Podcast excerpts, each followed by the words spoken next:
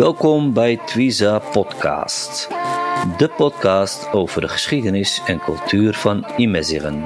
Mijn naam is Abdeslam Oulat Sedik. Wij gaan in gesprek met schrijvers, muzikanten, dichters, historici en andere cultuurmakers over de geschiedenis en cultuur van de Imeziren.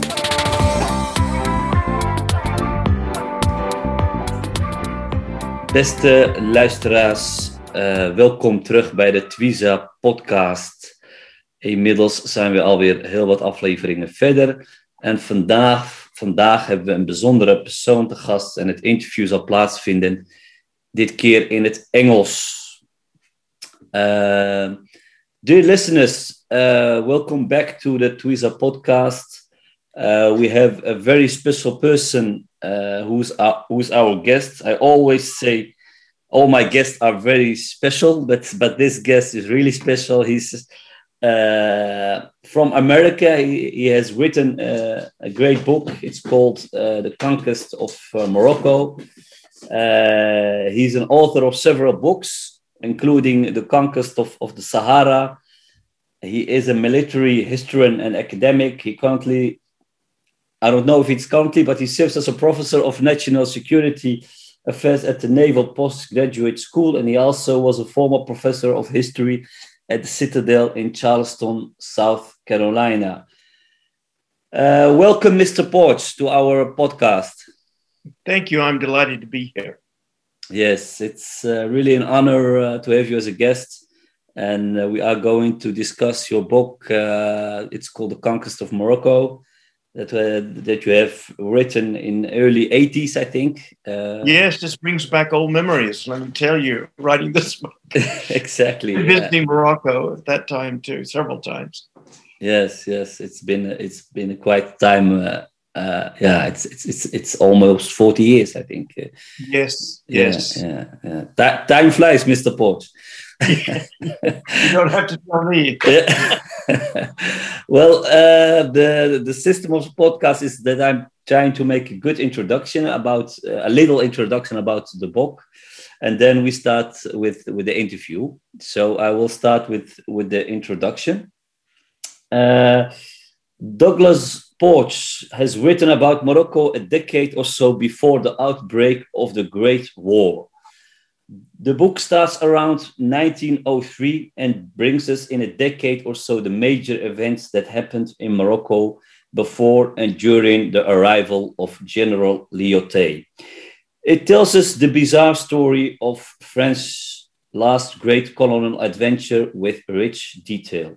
At the turn of the century, Morocco was still an independent country and available for the hungry European imperial countries especially French. In this year, with the posting of an old French military figure, Hubert Lyautey, France undertook to conquer the exotic and backward country. We are again honored to have him as our guest.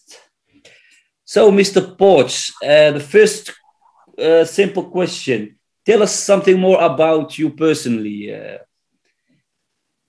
All right. Well, um, I grew up in the United States, not knowing much at all about uh, Morocco or North Africa.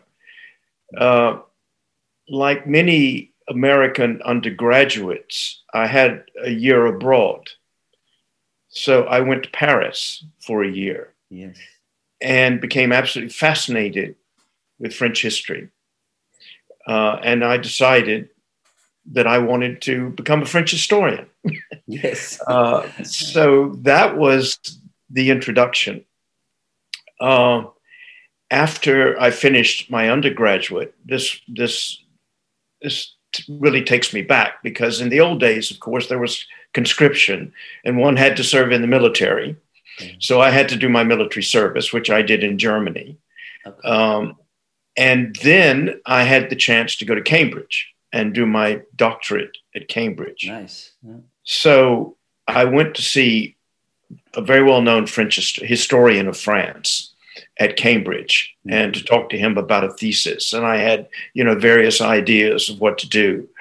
And uh, he asked me the same question that you're asking me now. Okay. Tell me a little bit about yourself. Yeah. And when, and when he heard that I had just gotten out of the army, the American army, Yeah. he looked at me and said, "Do the army, my boy," meaning the French army. Do my research on the French army. Yeah. So that sort of launched my career with those with those few words. I became a military historian. Yes. Uh, yes. Nice. Yeah. And it, but his his logic was at the time in Great Britain there was no longer conscription, so the number of students who were doing French history had no mm-hmm. military experience. In Okay. So And you were, you were one of the um, first first people to to Well, one of the few Yeah. who had actually served in the military, yeah. Uh, as opposed to being a, uh, a war gamer. If you want to, you know, playing war games now, they do it on computers. yeah. In the old days, it was done on sand tables, and you refought some battle. And he said, you know, these are the only people really interested in military history, so they were interested in tactics and, you know, Yeah. very Yeah. superficial yeah. approaches. So there I was. I was launched into writing about the French army, which has sort of been my career, Yeah. for better or for worse. Um, at Cambridge, there were a number of people interested in imperialism, in French imperialism. hmm Uh, so one thing led to another, and I was writing a book on the French army before the First World War hmm and I was focused mainly on the domestic issues, the French army, which of course, uh, I don't know how many of your readers will have heard of the Dreyfus Affair, but that was one of the pivotal events in France at the time. There's a film, actually, uh, a Roman Polanski film Okay. uh, that's out. I saw it in Paris. We can't see this in the United States because Polanski is persona non grata, so nobody Oh yeah. knows but, but but it's an excellent film about the Dreyfus affair, and I do Okay. I do recommend it. yeah. Okay. um, nice. Nice. So uh, so I was I was really rather focused on that, and I wrote an article and uh, Mhm. Mhm. about the French army before the First World War, Mhm. and I I received a letter from uh, a professor at Stanford University, Mhm. and he said, "Are you are you writing about the colonial army?" And I said, "Well, no, I don't. I hadn't planned to have a chapter about the colonial army in this Exactly. book." And he he said, "Well, you know, I I can arrange for you to have a, a, a small stipend if you will include an article about Hmm. uh, the colonial army." Yeah. French colonial army. And I said, okay.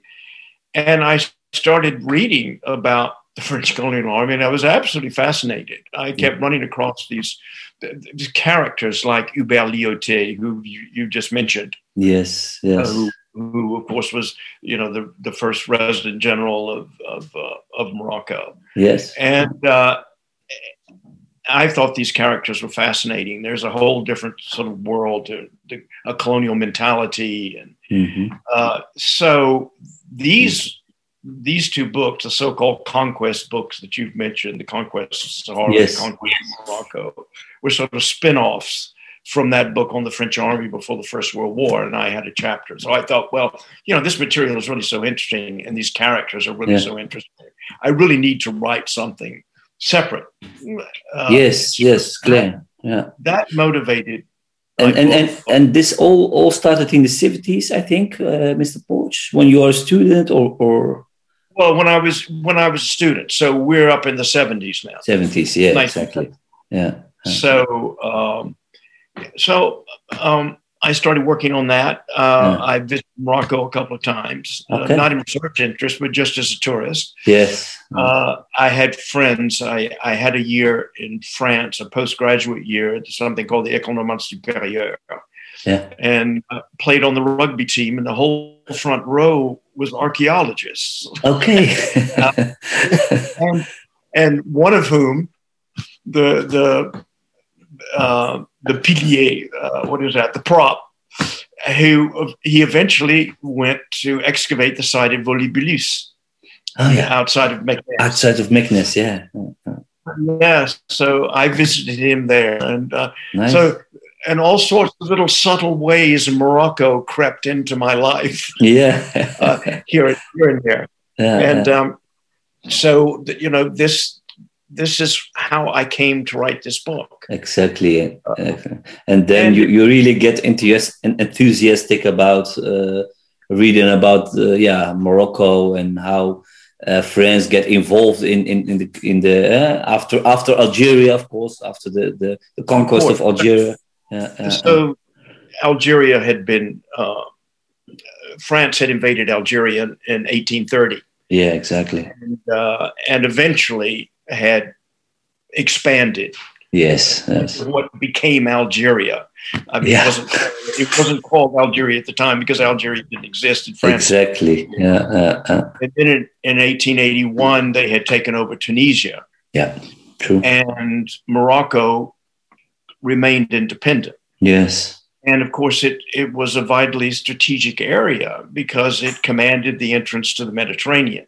Yeah. And one of the reasons it was independent was because the British did not want any main power to take over. Yes. Gibraltar, but it didn't want any strong power to take over the other side of the Mediterranean because this was the vital link to India and the Exactly. foreign. So, and the Yeah. Suez Canal, of course, was built in 1869, was opened in 1869. Yes. So that makes it an even more vital link. exactly. So- Yeah. So this is what has had preserved Moroccan independence far beyond what should have been uh, its its its natural life, whereas Yeah. almost all the rest of Africa had been taken over in the so-called steeplechase to the unknown. This, Yeah. this explosion of conquest that Yeah. breaks out from the 1870s. And Yes. but Morocco remained independent because it was basically protected by the British. Yes, exactly. Yeah, yeah. And um, so, uh, if we look at the cover of your book, we see two major players in, in this early 20th uh, century. Uh, here are uh, French General Lyautey and Sultan Abdel Hafid. Uh, we see that at, uh, at, at the cover of, of your book. Uh, may, maybe you can tell us in brief uh, more about uh, life before he came to Morocco, or, or do you know something about that? Uh, Oh yes, oh yes, I know about I know about Lyautey. Lyautey was a um, came from a, a minor aristocratic family in eastern France, from Nancy, oh, if you know, it's in Lorraine. Yes, Uh, Nancy. not probably not too far from where you where you're yes, sitting. true. You have Metz, Uh, Metz, Nancy. Yes, it's, Uh, yeah. Yeah. So that was where he was from. His his father had been a graduate of the École Polytechnique. Um, he had an accident when he was a child.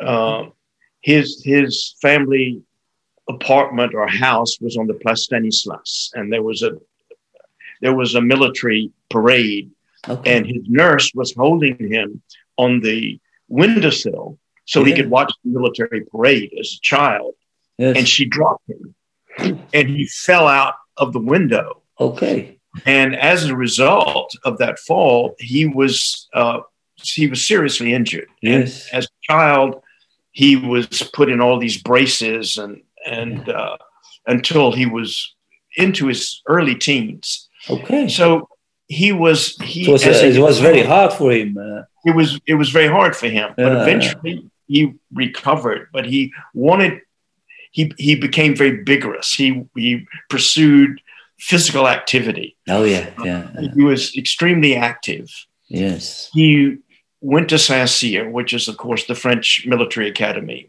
uh, now it's in brittany but at the time it was on the outskirts of the southern uh, suburbs of paris Yeah. Um, and then he went into the cavalry as a as a aristocrat. This is, of course, the arm that most aristocrats gravitate.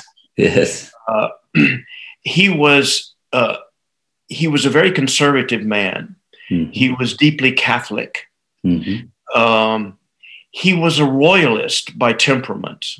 Okay. he he understood that France had become a republic and that royalism was was no longer a viable alternative for France's government. Mhm. But he he was a romantic.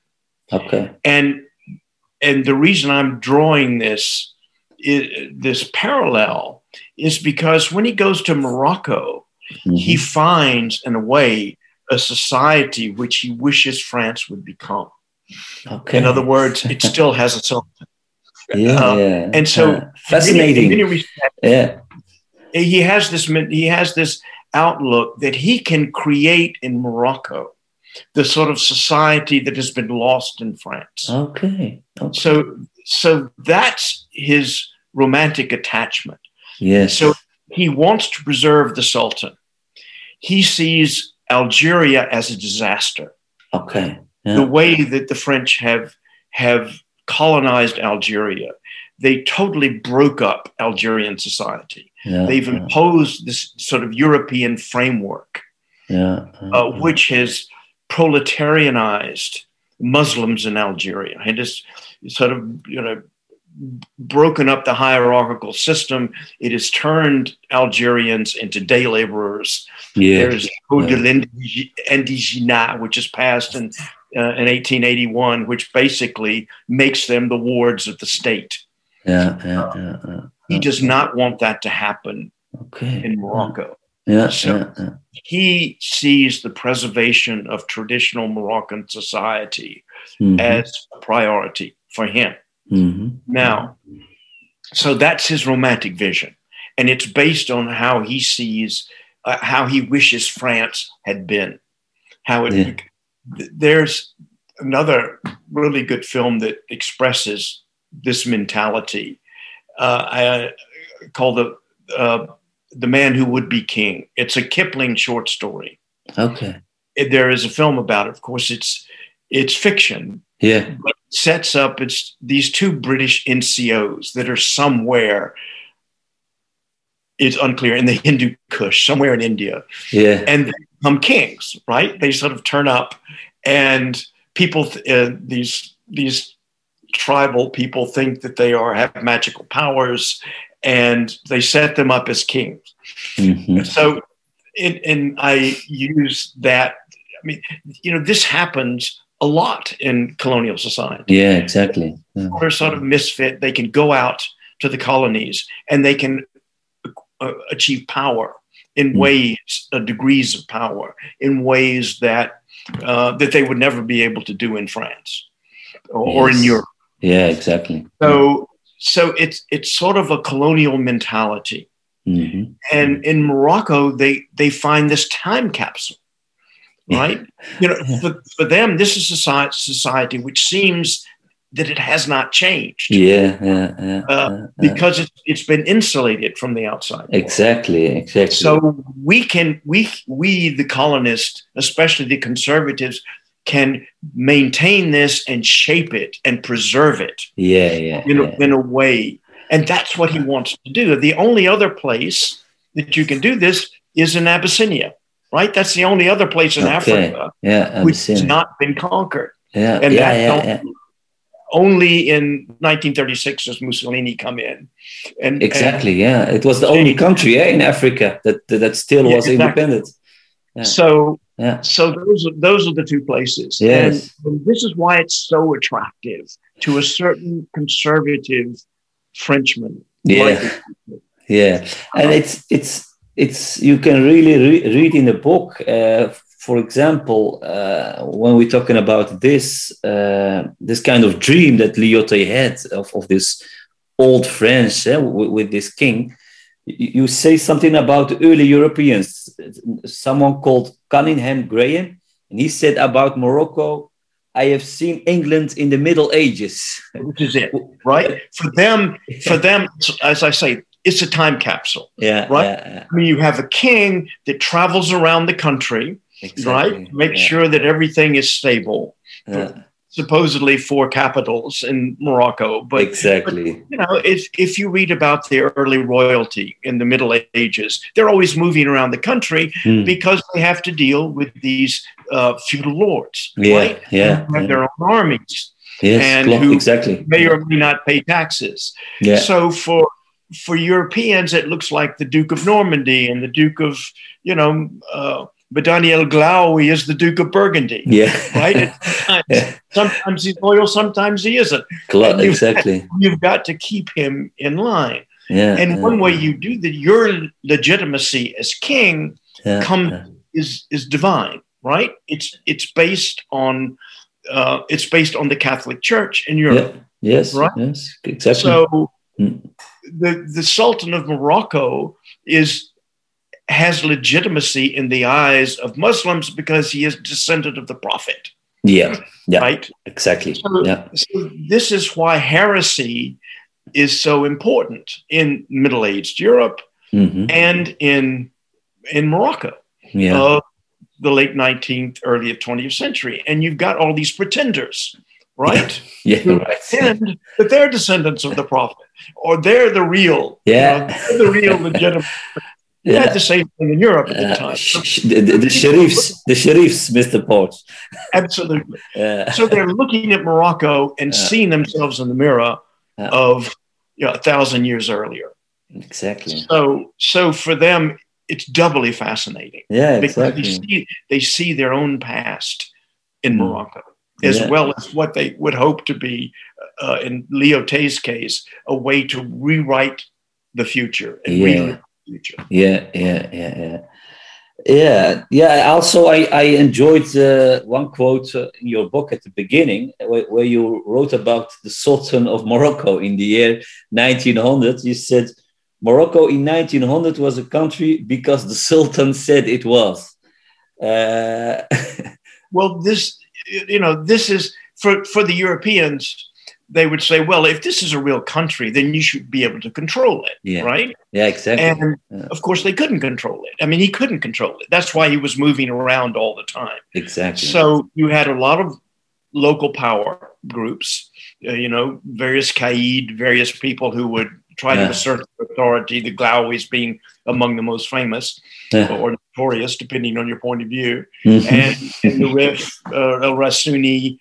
Uh, so, and uh, Bu Hmara, uh, uh, uh, yeah, yes. Zila Zerhoni, also in the north. Yeah. Yes. So all of these, you know, were popping up all yes. the time. Yeah, yeah, And and again, it was like the Middle Ages. I mean, you had people going around Europe with pieces of the true cross or yeah, yeah, yeah. bones or something that they rubbed together and they you know, make, make whole.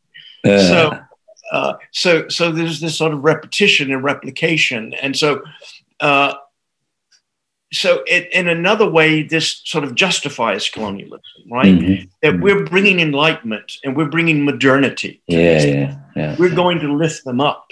Yeah, yeah, yeah. They will be. They will become modern. Yes. So yes. in, in in a way, I mean, they envy the Moroccans, but they need to change them, right? Mhm. Mhm. And because the civilizing mission yeah, is the justification that the Europeans use, when in Mhm. fact, in most cases, it's just exploitation, and that's what it becomes yes, in yes, the end. yes. Because although Lyautey tries to preserve traditional Moroccan society, he's not particularly successful. exactly. Uh, I mean, Yeah, you have you have the same process uh, that occurs in Morocco as occurred already in Algeria, yeah, indeed. and that you know yes, you've got the big agricultural interests moving in, taking over the Chaouia, um, Mhm. Mhm. Casablanca. The region of Casablanca. Yeah, yeah, So what you get is the same proletarianization yeah. of of society that you had in Morocco, although it starts later. Uh, but it, it as much as Lyautey tries to preserve traditional society in Morocco, Yes. in fact, he's the agent of his dissolution. Yes, yes, indeed, and and starting with, with this new century, uh, we have a very weak sultan, and and and, and, the, and the country has all these pretenders. You, you tell us uh, all these uh, local leaders who, who are saying, "I am the the, the sultan." Uh, you have in the south uh, Ahmed uh, Ahmed Al Hiba. In the north, you have these other other names. Uh, so there was a lot of going on, and, and these European countries uh, are trying to get a piece of the cake, if I if I may say say it like this. Yes. Uh, which countries were, were involved in trying to, to, to colonize Morocco around this time? Uh, well, people weren't actually colonizing. France had the main interest because, mm-hmm. of course, they were next door yeah. in Algeria. Yeah, they were the neighbor. And yeah. yes, exactly. So their fear was that Germany would take it over. Okay. Uh, so so that was one of the main things they wanted to prevent. Mm. Now, the English were keeping Morocco's independence, as we've already talked about. Yeah. Now, what changed that was an incident in 1898 called the Fashoda incident. Oh yeah. yeah. Uh, so, it, I mean, it's sort of a long story, but the French laid claim to the Upper Nile. Now, the British had, had in 1882 they had they had become the protectors of Egypt. Yeah. Uh, so they all France and Britain almost went to war mm-hmm. in 1898. Yes.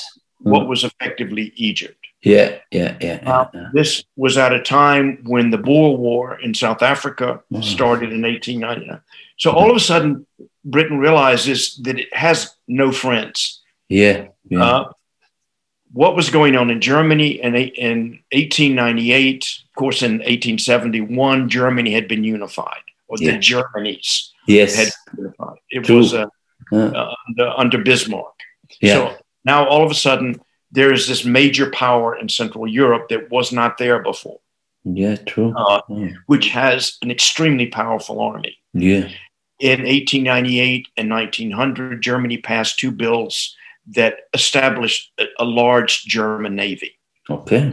Now, the the German army is already a threat to France. Yeah. The the German navy is going to threaten Britain on the seas. Yes.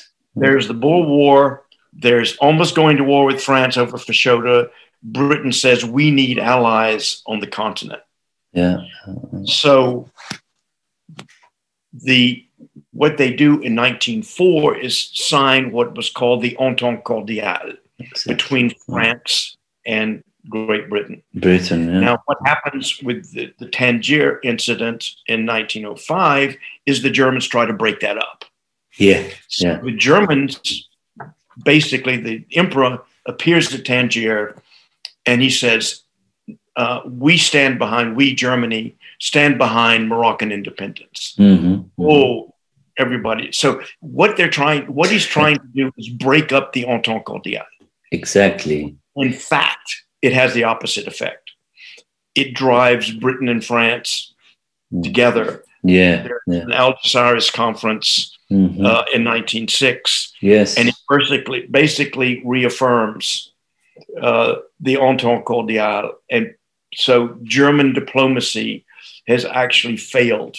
Yeah, exactly. Guarantee uh, Moroccan independence. Yeah, so this is essentially a green light for the the French mm-hmm. to begin their uh, their entry into France. Uh, sorry, into Morocco. Yeah, and and here Lyautey is instrumental because he is the commander of the the, the south the Sud Oranais, the south of the Oran. Yeah, uh, yeah exactly and it's right on the border. And there's a lot of Moroccan raiding parties that are coming through. Mm-hmm. You know, they're raiding into from Morocco mm-hmm. into mm-hmm. southern Algeria. So he's using that as an excuse to advance uh, French occupation. Mm-hmm. Now, nobody really knows who's controlling. Uh, you know what's going on in Morocco. Yeah. They don't have accurate maps.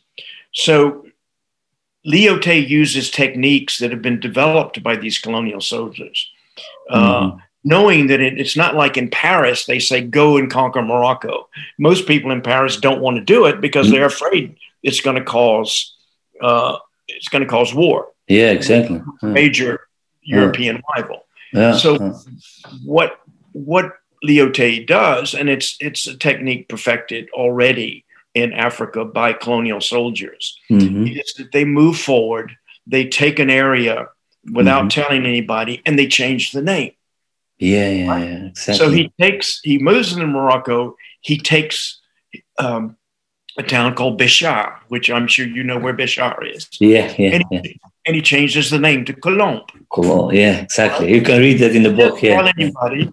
So some journalist, German journalist, is wandering around, and he says he sends back this this uh, dispatch saying the the French are in Béchar, and so all of a sudden the colonial ministry sends a or, and or the Quai d'Orsay sends this mm-hmm. wire to Lyautey saying you know, what are you doing in Béchar? That's Morocco. You're yeah. not allowed to be there. Yeah. And he said, there must be some mistake. My troops are still at Colomb. Yeah. really? They don't know where Colomb is. They assume Colomb must be in Algeria. Yeah, yeah, yeah. so, anyway, he, he, he lies. Well, yeah, of course. Yeah. You know, but this is the technique they use yeah. all the time. Exactly. And it's it's often called uh, oil spot, and it was it developed by a general called Gallieni in Tonkin. Okay. When he was he would move into Tonkin in areas claimed by the Chinese, mm-hmm. and mm-hmm. he would he would set up a post. Yeah, it usually involved they would dig a well. Mm-hmm. Uh, they would set up a market. Yeah, and they would say, "Here, come trade with us." You yes, know, so yes. all the locals would say, well, let's maybe see what the market is like yeah. in Béchar. because the French are subsidizing it, right? Yeah, so yeah. If, I'm a Moroccan peasant, I can sell my sheep or my goat mm-hmm. at twice the price in Béchar that I can get yeah. in another market. Exactly. So, so they so this is one of the techniques. Yeah, exactly. We, Interesting. Yeah we become a pole of attraction. Yeah, yeah. We draw in the Moroccans. They invest actually. They invest some more money there, and and, and well, yeah, that's it. Yeah. So uh, okay. and then we spread our influence there. Yeah, that's here.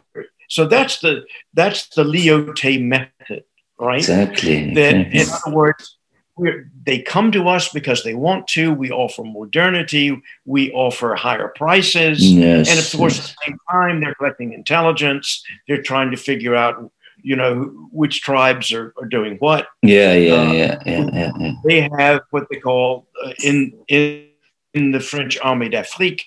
They've got something called the Arab Bureau, and the Arab Bureau are officers okay. who are basically anthropologists they speak Arabic. Mm-hmm. Uh, they study the tribes. Uh, yeah, so yeah, yeah, they they create networks, you know, within the tribes. Yes. Sometimes ambitious people say, "No, uh, I'm not going to be the Caid here because the Caid's already in charge." But if I associate myself with the French, I can under I can undermine the Caid, and they will make me you know, yeah. the, the main the new person. Yeah. Uh, so uh, uh, uh, yes, you can you can sell this method as being progressive, as being desired by the people, as mm. bringing stability in a chaotic land, yeah, uh, as bringing yeah. civilization, yeah, roads, you know, doing all of these things and bringing stability. Yes. And stability will bring economic prosperity. I mean, this is the whole argument. Uh, yes. And, and, this is the way they sell the civilizing mission. Exactly, exactly. Interesting. Yeah, that was one of my other questions, the the Lyautey method, but you you explained it very well. Uh, and uh, you had you, you had also this first um, European, or, or mostly it were French, I think, who who were uh, penetrating in Morocco and, and doing this in in a very uh, yeah in a very in a way that that they they couldn't be recognized of course as a french as a french man you, you talk about one one person named charles foucauld charles foucauld was one of the first well, not mr Porch yeah, yes well i mean you the the sort of pattern of european penetration into mm. Africa mm. Uh, was was fairly standard. I mean, if it, in, at first you would have sort of adventurers, yeah, right? Yeah, yeah, Sort of eccentric characters who would disguise themselves as rabbis, yeah, yeah, uh, yeah. Some way they would they would go through Morocco and spy out the land and then write a book about it. Yes, right? so yes, yeah. the 1840s. Uh, you know, you had various explorers that would ne- not necessarily be French, but and, and their objective wasn't conquest; it was just, just exactly. Sort of, uh, but but maybe the, this information did, exactly. did did, did yes they did help the, the military. Yeah. they became precursors, right? Yeah, yeah. And then by the time you get to the 1870s and 1880s, you have it organized on a, on a scientific basis. Yeah. So yeah. you have the growth of these geographic societies. Yes, yes. Right? Uh, uh, So, you know, you'll have the Paris Geographical Society or, you know, the, the London Geographic Society. yeah, uh, And these will actually finance exploration, mhm. supposedly for scientific yeah, yeah, reasons. yeah, yeah. So, so if I'm a young if I'm a young officer who's trying to make my way in the French army, Mhm. and I go to the Paris Geographical Society, I would say I propose to go up the Congo River, right? Yeah, To have an yeah. expedition up the Congo River, yeah, yeah, uh, and the army's not going to finance that, but the Geographical Society will. exactly. So, that, but the idea is they will bring back scientific observations Mhm. and geographic observations Mhm. that will broaden our knowledge of the dark continent. Yeah, right? yeah, So this this becomes fairly standard practice, and so Yes. that's the sort of second wave of Mhm. people, and Mhm. then you get uh, a sort of third wave, which are military expeditions yes, that are going uh, like the Marchand expedition that Yeah. led to the uh, to the problem to the Fashoda incident, yeah, for yeah, instance. yeah, But this yeah. is this is happening all the time. So you know what? In the end, the British actually come to an agreement with the French and say, "You stay out of the Nile Delta, and we'll stay out of Morocco. yeah, We'll yeah. allow you to go into Morocco." exactly. So this this was what the, the this this was the trade off um, in 1904 with the Entente Cordiale. Yeah, and- and after- basically Egypt Yeah, against Morocco. and after that, France uh, went to Spain and they talked about the northern of Morocco. Eh? So, uh, Well, that was that was 1906 at the Algeciras yes, conference. yeah, they yeah, yeah. they allow so the British are happy with that because they do not want a strong power to control the other side of the. exactly, So- exactly. And and, and Spain and, have and, and Spain had, had lost the, the wars in on uh, with America about Cuba, Yeah, and that uh, was- you're absolutely right. it was Uh, a they- very weak uh, nation at they that had lost their, they had lost their most of their colonies, Cuba, Philippines. They Exactly. had lost that in 1900. So Yeah, this yeah. was also sort of compensation Yeah, uh, yeah. So so this was a, another reason why the British were quite quite happy to have Spain control, or at least not be nominally in charge. I don't think Spain ever, really controlled the river. there, was a lot of fighting going on uh, in the northern Morocco. Yeah, yeah, yeah. uh, uh, of course, the Rif War, which was really the end of Lyautey because the Rif War sp- spilled over in 1925. I mean, it started what 1921, I believe. yes, Although, I mean, Yeah. technically it started in 1921. I imagine uh, it's like when we talk about the Algerian War in um, in France. yeah, You know, supposed supposedly starts in 1954, but in fact, you had this sort of rolling violence exactly, exactly, that never exactly. really stopped. Yes, in, in the Rif, you, you had the first Rif war started in, in 909, yeah, and and, Yeah, and yeah. after that you had the the, the, the second part of the of, Yeah. of with with Abd Karim. Uh, uh, uh, uh, Exactly. But gen- generally speaking, there's probably a level of violence that just never stops. exactly.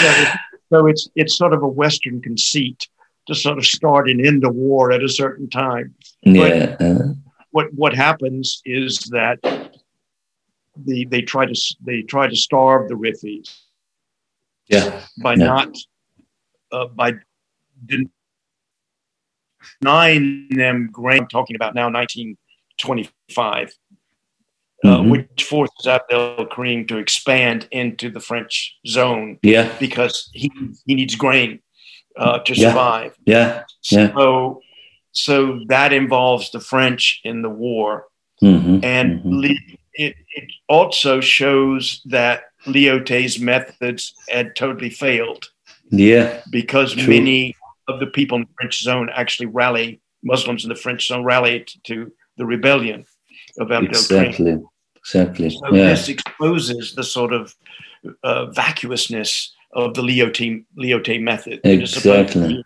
One, uh, the the loyalty of Moroccans. Yeah. yeah. Uh, so then what happens is, of course, Lyautey is fired, and they bring in Marshal Pétain. Pétain, yeah, yeah, yeah, yeah. the great general of World War One. World War One general, and who becomes the head of the Vichy regime. Yeah, yeah. Uh, because that's where he that's where he meets Franco. Right, yeah, those yeah, two generals yeah, meet exactly in the exactly. war. Yeah, uh, interesting so, the, the history. Yeah, yeah, yeah. and and so uh, he he brings in these uh, these European methods of warfare. You know, a mm. lot of artillery, yeah, you know, of crushing bombardments, uh, and you know that's the way he crushes the yeah yeah let's go go back to the second crisis of morocco maybe you can yeah maybe you can take us to to uh, you told us about the the first hello hey i'm here yes I'm here. you can okay very good can you hear me yes i i, I can hear you okay. yeah yeah, you told us about okay, the good. first uh, crisis eh, in, in Tanger, which really was a failure for, for Germany. And then we had the second crisis eh, at, at uh, Agadir. Can you tell us something more uh, about this, this crisis? Uh? Yeah, yeah. Well, the, the, what the French are doing is uh, they're trying to create a protectorate. And the way they do this, and it's again, it's fairly standard colonial method in the late 19th century mm-hmm. uh, is that you go and the British do the same thing in Egypt. You go to the the leader and you say, "We, we uh, you need to modernize your country. Yeah. You know, you need roads, you need ports, Casablanca, for instance, mm-hmm. uh, and we're willing to lend you money yeah. to do this. Yeah. But as surety, you've got to give us control over the customs receipts. So the uh, the king, the sultan needs money. He's got to modernize his army. We'll also put in a, a military mission who's going to who, who, are going to modernize your your army. They're going yeah. to trade your train your soldiers who are rebellious in the countryside and all these Al Glawi and all these other people. Yeah. Uh, so this will allow you to establish control over your country, and you can collect taxes, you know, which you're not, you can't collect now. So this this is going to be the fruits of uh, of modernization. Yeah. But of course, this requires a greater European presence, and this annoys especially conservative and traditional elements in the country. We see yeah. this over and over again with the mm-hmm. Shah of Iran in the in yeah. the 1970s. You mm-hmm. know, the more Westerners you bring in, the more you get you get a backlash. Yes, of course, uh, especially uh, uh. especially from conservative elements.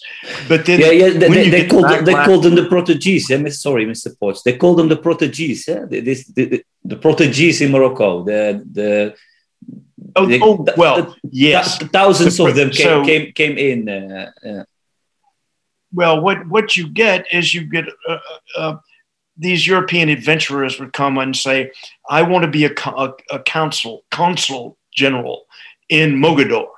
Yeah, right. Yeah. So I'm a I'm a consul. I'm appointed by some country, yeah. or maybe in one case I mentioned, they even invent a country.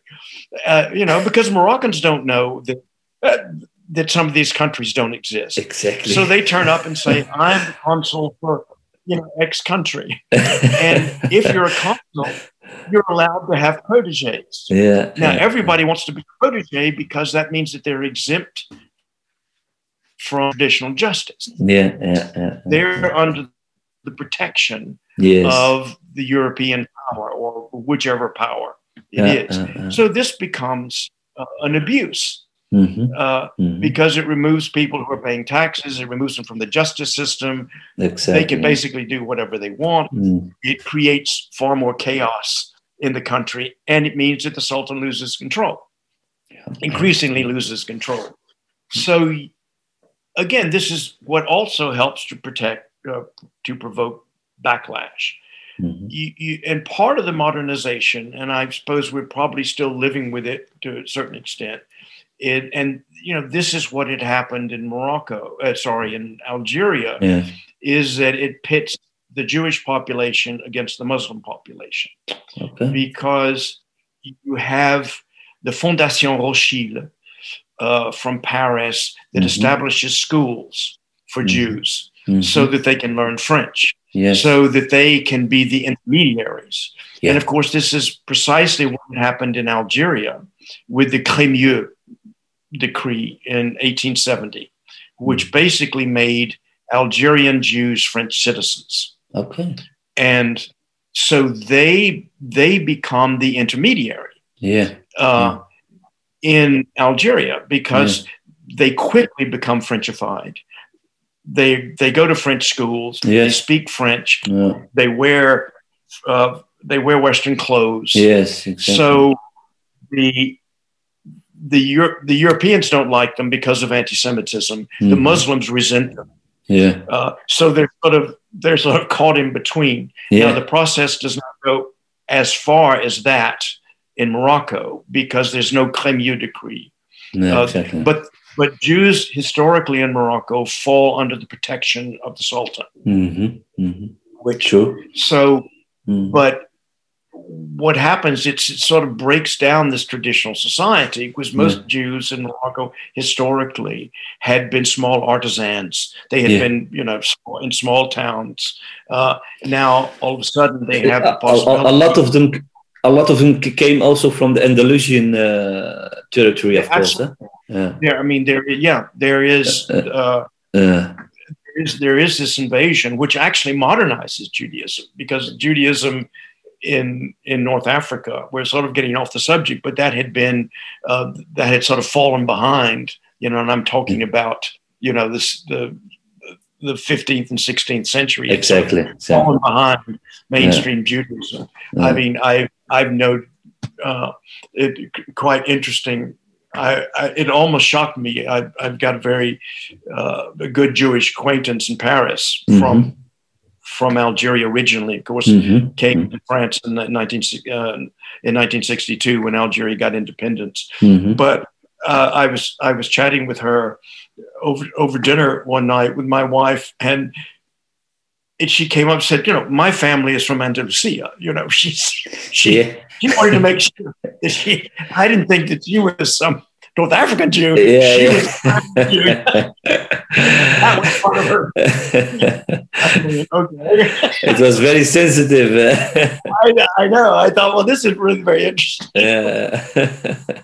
but anyway, but but so so it it it, it creates uh, very dramatic changes because mm-hmm. after 1912 you start getting, and especially after the First World War, you start getting settlers coming in on a large scale yeah. uh, in in North Africa, in sorry, in Morocco, and displacing Moroccans. And so, what are you going to do? And it breaks up traditional society in the same way that it was that it had been broken up in Algeria. Yeah. So, mm-hmm. you, you, know, the, the the the large agricultural regions are taken over, you know, by industrial agriculture. Yes. So that yes. you know what the the what were transhumant tribesmen now, you know, they become a sort of uh, agricultural workers, or yeah. or they go to Casablanca because you can always get a job there. Yeah, yeah, uh, yeah, you know, yeah. Yes, yes, true. That's the dynamic. It, so yeah. all these patterns, Lyautey wants to preserve them, but in the end, by opening the door, you know, he he breaks up traditional Moroccan society. Uh, and yes. the Jews are learning French. They become French. They become Frenchified very quickly. Yeah, uh, yeah the yeah. same pattern is in Algeria, and therefore exactly. they sort of detach themselves yeah, from from Moroccan society. So you sort of have this atomization. Mm-hmm. Uh, plus, the French have this uh, view of martial races, right, which is I say it's the French view. It's it's a European view, mm-hmm. a colonial mm-hmm. view, and the, yeah. you know, the British have the same idea. Yeah, yeah, uh, yeah, That when you go to India, who who are the martial race? Who do you want in your military? Mm-hmm. Right? Uh, you want the Sikhs. Uh, you want the Gurkhas. You want whereas in Morocco, it's it's the Berbers, yeah, right? uh, uh, uh, You because the Berbers are good soldiers. uh, and- uh, uh, uh. We don't like Arabs. We just like Berbers. So we want we want Berbers in our military force. military arm, yeah. uh, So, so so this this sort of martial race theory uh, begins to also be something that atomizes. Uh, and and well, as you go on, the French favor the Berbers. They mhm, you know they they want to preserve Berber language, mhm. uh, and, and this becomes a sort of divisive divide and rule policy. yeah, yeah, yeah, yeah. Uh, Yeah. also helps to break it up. So Yes. in many respects, uh, it doesn't it doesn't modernize. Yes, you you, al- you you already mentioned the the the, the Glowies and and all these Yeah. other uh, people uh, who had who had uh, regional power in, in for Yes. example Glowy was was of course in in Marrakesh and Yes. and and um, but there, was also a lot of resistance from the from the Berbers not uh, I mean I already Yeah. mentioned uh, Al Hiba for example who was a Yeah. southern uh, no, absolutely no. There were there. and this- uh, it took a long time because you know what happens is is that uh, the conquest of Morocco is interrupted by the First World War. yeah, yeah, Uh, Yeah. So all of a sudden, the French, you know, they don't have troops to to Yeah. expand exactly. uh, to expand the conquest. Yeah. So it's it's suspended for for the period of the war, and I think when it's only in 1930s, right? That yeah, I think- 1936, I think. Yeah, something like that. yeah, That Morocco is finally occupied. entirely. exactly. Yeah, they, they had Uh, some resistance in the at the high at the anti-Atlas the, from the Yes. Atta Atta tribe. Uh, Yeah, and of course the Rif War that we've already talked Yes, about, and yeah, yeah, yeah. this is this resistance uh, sort of continues. yeah, Uh, yeah, So, uh, s- s- so in many respects, the French they don't have the troops to control the whole country, Mhm, uh, mhm. and so they depend on people like El Glawi yeah, exactly. uh, to run These- them. these these Atlas lords. and these and and you know, I'm sure there are replications on a on a smaller scale. I mean. El Glawi just captures the attention of, of Western historians because he's in Marrakesh. I know Marrakesh is such a you know a beautiful city, and you know, Exactly. Yeah, uh, whereas um, you know, there are a lot of other little smaller lords, and often th- these would be controlled by the, the native affairs officer, right? It would be the job of the native affairs officer to make sure mhm. that this person was happy, yeah, And- yeah, yeah, was ruling in the interest of the French. yes, Uh, So there's a lot of trade-off there that you can you can allow uh, a certain amount of corruption we would call in a Western sense, whereas Mhm. in what Westerners see as corruption is sort of a quid pro quo in in traditional society. Um, Mhm, mhm. so, you know, for instance, we're go- we're going to modernize, and this is not just in Morocco. We're going uh, we're going to rather than have beylik lands, for instance, the bey controls the land and distributes them to Mhm. the faithful. We're going to privatize, yeah, yeah, yeah, which that's- in fact means that these people have parcels that are so small they're no longer viable economically. mhm. Uh, so that means they have to go to Casablanca. Yeah, or, exactly. or find work or find work on a large uh, industrial conurbation yeah, uh, uh, uh, uh, in mines or yeah, yeah, yeah. whatever else that the Europeans offer. So Mhm, this, mhm, this further fragments society mhm. and it produces backlash in the form of of, of Moroccan nationalism. yeah, uh, yeah, yeah, it- yeah. and and again i don't know that much about contemporary moroccan history but i think the sultans of morocco have been very clever in that they put themselves at the head of that muslim nationalism rather than oppose it and so they were seen as the spokes the spokesman for moroccan nationalism Mhm, uh, which I Mhm. think explains a lot of the evolution uh, of of Morocco as you know, it is seen, at least in the West, as a sort of moderate uh, Muslim country. Yeah, uh, yeah, yeah, yeah. yeah. So, it, yeah. No, it's very interesting uh, because uh, when when um, when we when we say when, when your book came out, uh, you told me in an earlier email uh, your book came out in, also in France. Eh? What, what what were the reactions reactions at that time uh, when when um, for example in Morocco, but, but I can imagine also in Morocco because uh, uh, I I don't I don't know. Um, it's been a long time. Never, long time it was ago. Never, it was never published. My book was never published in French neither neither of the conquest books. Okay. Um, and I know I know the Sahara was not published for a reason. Uh, is that the French didn't like, um, or at least some French didn't like the yeah. fact that I I pointed out that these colonial officers were in competition with each other. That yeah. the reason Algeria is so much bigger than say Tunisia is that the officers there in Algeria, French officers, were very aggressive in pushing forward the borders. Yeah, and.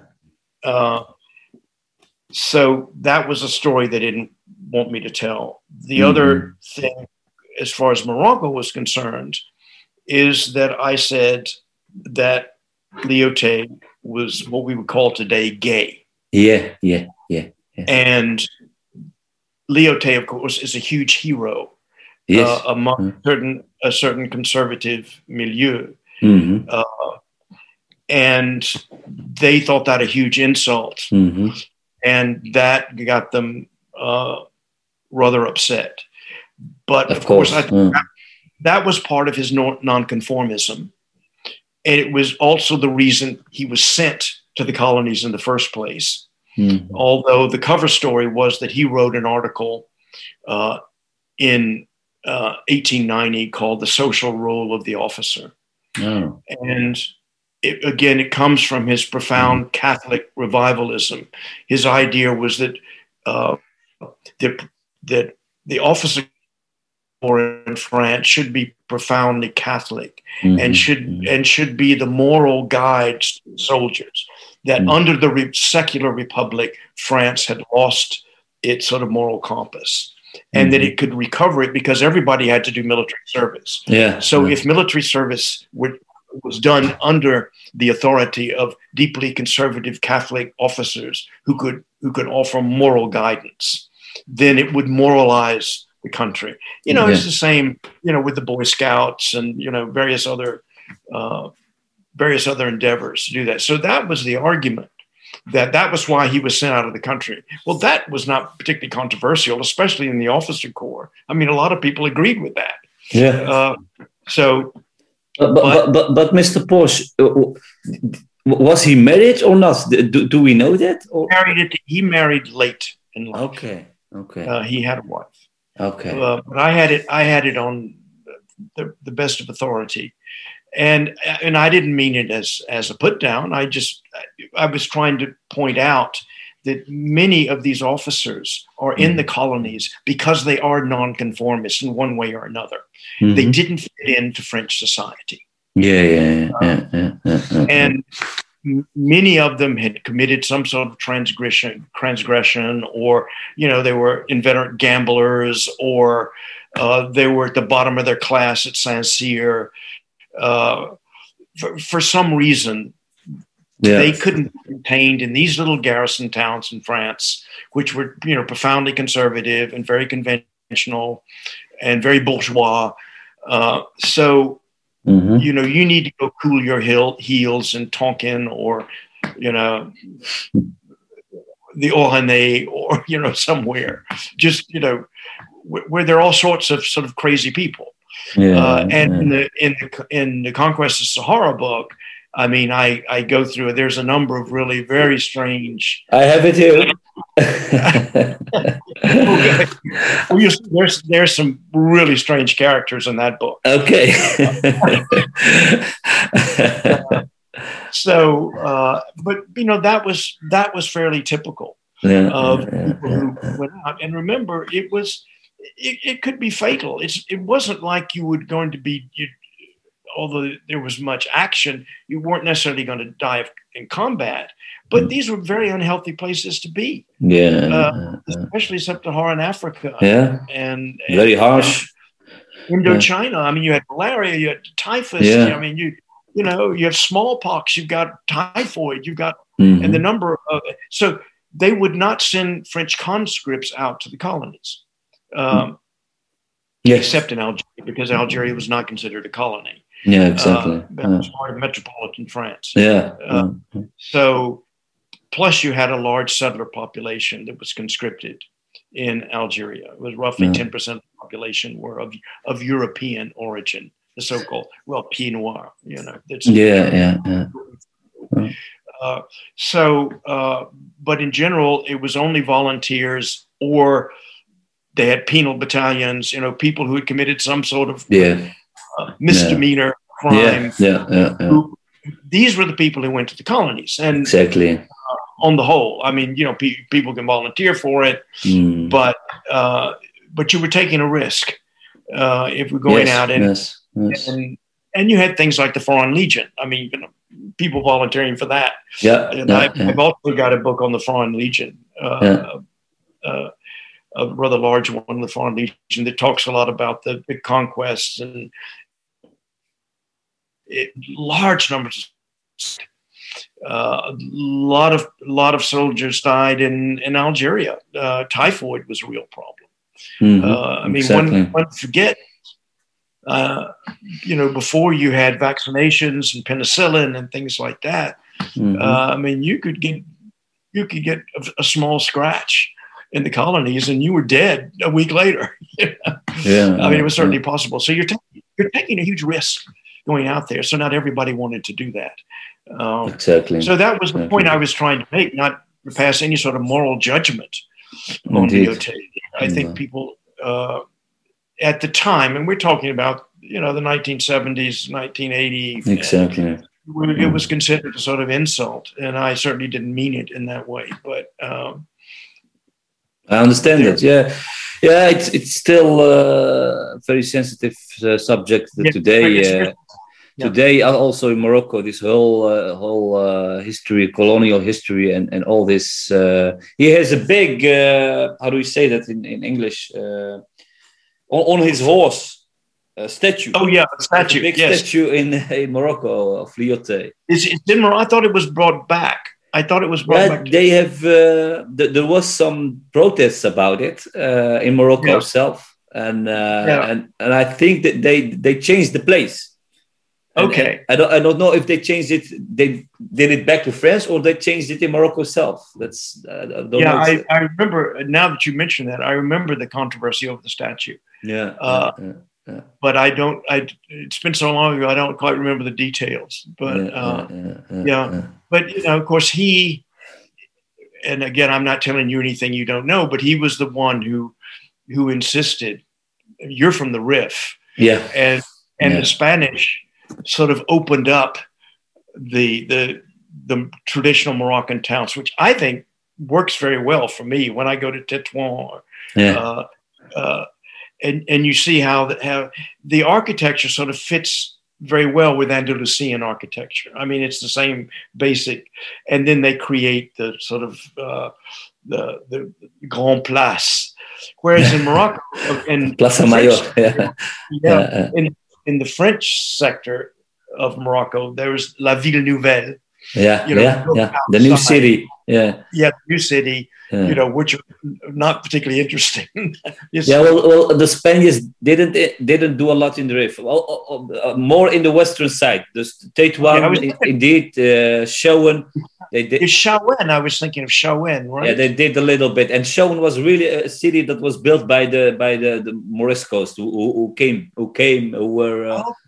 It's, okay, well, that's uh, interesting. I didn't, I, I wasn't aware of that. Yeah. But uh, so you know, it, in so what Leo again, this is another example of how Lyautey wanted to preserve yeah, historic Morocco yeah, exactly. by building the yeah, I, I, I, actually, Mr. Porch, when we can uh, we can conclude, he was the really the, the, the, creator of Morocco and also the the uh, the leader of Morocco because the Sultan had actually only uh, to sign all kinds of treaties and and and that's all. Eh? The, oh, yeah. Well, it, it, was it was a protectorate, and it was yeah, exactly. it, it, was technically under the Quai d'Orsay, you know. Yeah, uh, yeah, yeah, So, and obviously the colonial ministry too. But uh, sure, I mean, he was he was in charge, and the and the Sultan.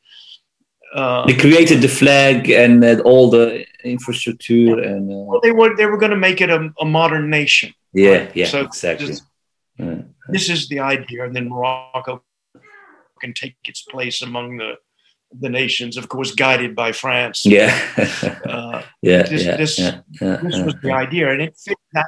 That was Lyautey's vision. So, in many respects, yes. I mean, I, I think he had huge influence yes. on the way Morocco has developed. Yeah, again, I don't. I'm not familiar with uh, with contemporary Moroccan politics, but I think it's you know it's a fairly traditional conservative country, right? Um, uh, yeah, it is. Uh, well, you know, uh, Morocco. We can say we can talk a, lo- a, long time about it because yeah. uh, uh, we had the, this new king who, who had all, all, kinds of new promises. But uh, I mean, maybe you have seen the 2011 the the, the Arabic uh, uh, yeah uh, spring yeah, you know that, that that came also to to Morocco. yeah, yes, yeah. people demanded okay, more uh, more more more democracy and and more uh, more jobs and all kinds of the social protests. Yeah. it is a country of uh, continuous protests and and these uprisings you know and, and we had the Hirak Rif I don't know if you if you have heard something about that no, I haven't. 2016. Uh, yeah, but I mean, but this has been ongoing because, I mean, I'm writing a book on uh, the French, France in World War II right now, mm, okay. and I know there were riots in '43 in Morocco. Yeah, yeah. because the uh, the French army had was was diverted before the Normandy invasion to control riots, uh, probably in Casablanca, I, I would imagine. Yeah, uh, yeah, yeah, I, that was just one small thing as I yeah. ran. Well, I, am I'm, I'm I'm I'm I'm very glad to to uh, to, to, talk with you about, uh, about your, your book. Maybe next time we can in, uh, we can talk about your other book, uh, the, the, Conquest of the Sahara. you can you can, you can also look have a look at the Foreign Legion book. Uh, okay. You might. I mean, it's a big book. Okay. But uh, that, well, thank you very much, Mr. Porch. I think we, we will fi- fin- we will finish this interview now. Um, okay. Well, I hope it was okay. Yeah, it's very nice. Thank you very much. And uh, do you want to, to say something uh, finally, or, or or or did I forgot something to, to ask maybe? Or no, I think I think that's fine. I mean, we can always you can if, if there's if there's a a gap, you think we can always talk again and fill it if you want. Nice, nice. Yeah, yeah, it's, uh, it's very nice. Uh, you, you, you, you, are the first uh, international uh, guest, so the first interview in English. It's it's, it's been all, all, all in Dutch. But, oh, okay. Well, uh, my Dutch is a bit rusty, I'm afraid. and so how, long, uh, how long have you been in Holland? I've been here almost 40 years since 40. the outcome of your book, almost. Oh. 1982. Uh, okay. My father was here, the, the first migrants from, from the Rif to, to, to Holland uh-huh. in the 60s. Uh-huh. And he passed away uh, a long time ago. And he, he, he brought his family in 1982, which a lot of Rifians did. A lot of uh, Rifian men or, or Moroccan yeah. let the, their the family come over from from Morocco. Yeah, and I suppose not being in the French zone, you did you weren't ever attracted to go to Paris or, or no, no, we, we were in, indeed under under the Spanish zone, and uh, when Morocco get the independence in uh, 56, uh, 1956. Um, yeah, it, it, it, it, it went with a lot of uh, uh, tension and of course uh, also some some uprisings again, and and uh, because you had the northern side which spoke uh, which was Berber, Rifian Berber, and spoke Spanish. Yeah, and then they, yeah. they all these administrators came from Fez and Rabat with with Arabic, yeah. and and you know that that. that Yes. that created something of an of an explosion and and uh, people were uh, yeah offended and came and the uprising that the, yeah there was a yeah. lot of killing of, of course from from Hassan Hassan uh, the the the, yeah. the, the, the son of King Mohammed uh, the, the fifth uh, was was yeah. some problems there. Yeah. yeah. So it is what I said. It is uh, a, a, land of uprisings, and and, uh, and I hope uh, I hope uh, there will be some changes in the future, okay. and there will be more oh, democracy. okay. Well, I certainly enjoyed talking to you, and I hope I hope it was okay. No, this is very okay. I, I think our listeners will uh, really enjoy enjoying listening to this podcast.